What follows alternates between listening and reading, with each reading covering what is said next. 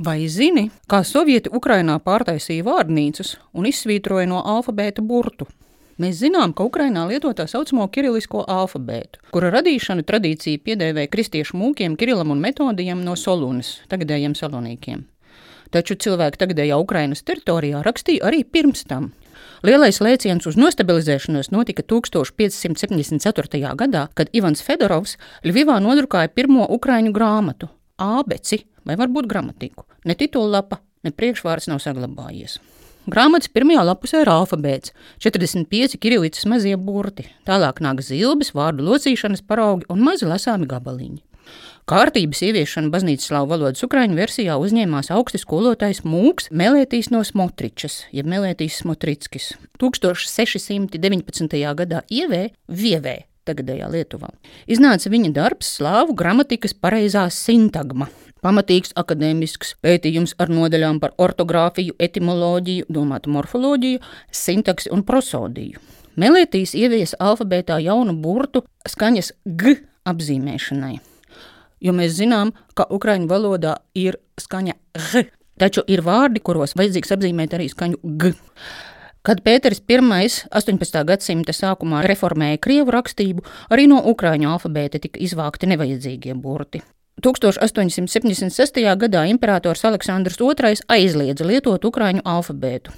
Cenzūras atļautie ukrāņu teksti bija jādrukā krievu alfabēta burtiem. Līdztekus bija mēģinājumi ukrāniski rakstīt latīņu burtiem. Lielākoties to darīja poļu autori, taču pirmā zināmā šāda teksta autors, domājams, bija Ukrānis. Šis teksts ir komēdija Tragēdija Ruska, un tās autors, domājams, bija Ukrānis. 17. un 18. gadsimtā Halīcijā latīņu alfabētā nodrukātie ukrāņu teksti atrasti pat Harkivā. 19. gadsimtā vispirms Polijai iedalītajā Ukrainā, pēc tam arī Austrijai piešķirtajā, tapa ierosinājumi pārcelt ukrāņu valodu uz latīņu alfabētu, attiecīgi poļu un čehu versijā. Abu gramatiku autori uzsvēra, ka vēlas panākt atbilsmi laikmetīgajai ukrāņu valodai un norobežoties no baznīcas slāvu arhaikas un krievu ietekmēm. Rietumu apgabalos dzīvojošo ukraiņu vidē par to sākās ļoti asas diskusijas, nodēvētas par alfabēta kariem, kurās uzvarēja viedoklis, ka kirilica ir neceraujami saistīta ar ukrainisko identitāti. Taču ideja par pāriešanu uz latviešu alfabētu neizzuda. 1927. gada lielajā pareizrakstības konferencē, kas notika Harkivā, par to tika runāts veselas divas dienas. Par labu pārējai izteicās vairāki cienījami valodnieki, tostarp rakstnieks un profesors Maiks Johansens. Viņš esot teicis, ka tas jādara, lai ātrāk pārgrieztu maskavisko nabas saiti. Tomēr galīgajā balsošanā 20 bija par pārēju un 25 pret par palikšanu pie Kirilīcas.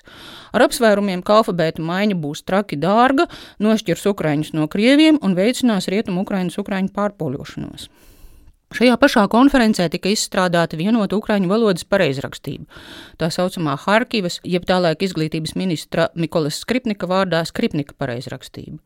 Ieskaitot alfabētu, kurā bija 33 burti. Pareizrakstību apstiprināja valdība un Ukrainas Zinātņu akadēmija taču jau 1933. gadā šī pareizrakstība tika aizliegta, pasludinot, ka tās mērķis esot ukraiņu valodas mākslīga nošķiršana no strādnieku un zemnieku masu valodas un no krievu valodas. Tika izveidota jauna komisija, kura atmeta šo mākslīgo norobežošanos, primitivizēja vārdu rakstīšanu, likvidēja, es citēju, nacionālistiskus pareizrakstības likumus, kas orientēja ukraiņu valodu uz poļu, čehu buržuāzisko kultūru. Citāta beigas. Viens no acīm redzot nacionālistiskajiem likumiem bija burts G skaņas G apzīmēšanai. Tas no alfabēta tika izsvītrots. Palika 32 burti. Burts G Ukrāņu alfabētā atgriezās tikai 1990. gadā. Komunistiem bija vajadzīga proletariāta valoda. Tādēļ no ukrāņu valodas tika izdzēstas divskaitļa formas, no paralēlu formām atstātas tikai tās, kas sakrita ar krievu valodu, aizgūto vārdu rakstība pārtaisīta pēc krievu šnites, piemēram, nevis Bukarešt, Kahivka, Mariupuļ, bet Buharest, Kahovka, Mariupuļ. Nevis nostalģija, kas atbilst izrunai, bet nostalģija. Nevis Mohamedanin, bet Magometanin.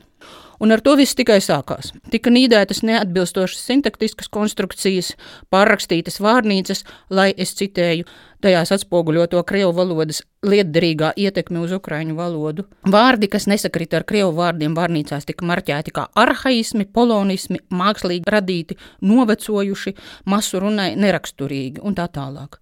Pie abi norādīts štamps, kas zaudējis stilistisku izteiksmību, un likts tā vietā lietot šķobu.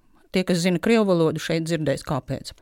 Vēl 1980. gada akadēmiskā izdevumā par terminu zinātni vārds agromada ir pieminēts kā piemērs apgalvojumam, kā termins izmantots tikai izloksnēs, dialektos, neveiksmīgs aizguvums. Tā vietā jālieto opšķina.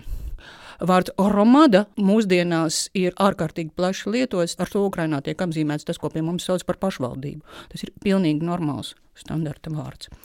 Tāpat lielie greizie rati, kas ukrainiski bija veliki viz, tika pārdēvēti par velika medvedīca. Horodina no vārda horoda sakņu dārs par ovoči, sadavina no sada augļu dārs par frukti, živas riblo dzīvesudrabs par rtuķi, rodzinki par izjumu. Vairāk nekā pusgadsimtu ilga šī ukraiņu valodas runīšana un gānīšana. Neatkarību atguvušajā Ukrainā vēl jau vairāk pat laban kara laikā sociolingvisti vēro pretēju procesu. Bez norādījumiem no augšas sāk izzust vārdi un formas, kas sakrīt ar krievu valodā lietotajiem. Piemēram, praktiski izzudusi ir mašīna, cilvēki saka avcivka, un dzvanīti cilvēki raksta un saka telefonu vati. Un tas ir vairāk nekā saprotams. Kuram tad gribas, lai viņam būtu jau kas kopīgs ar krievu pasauli?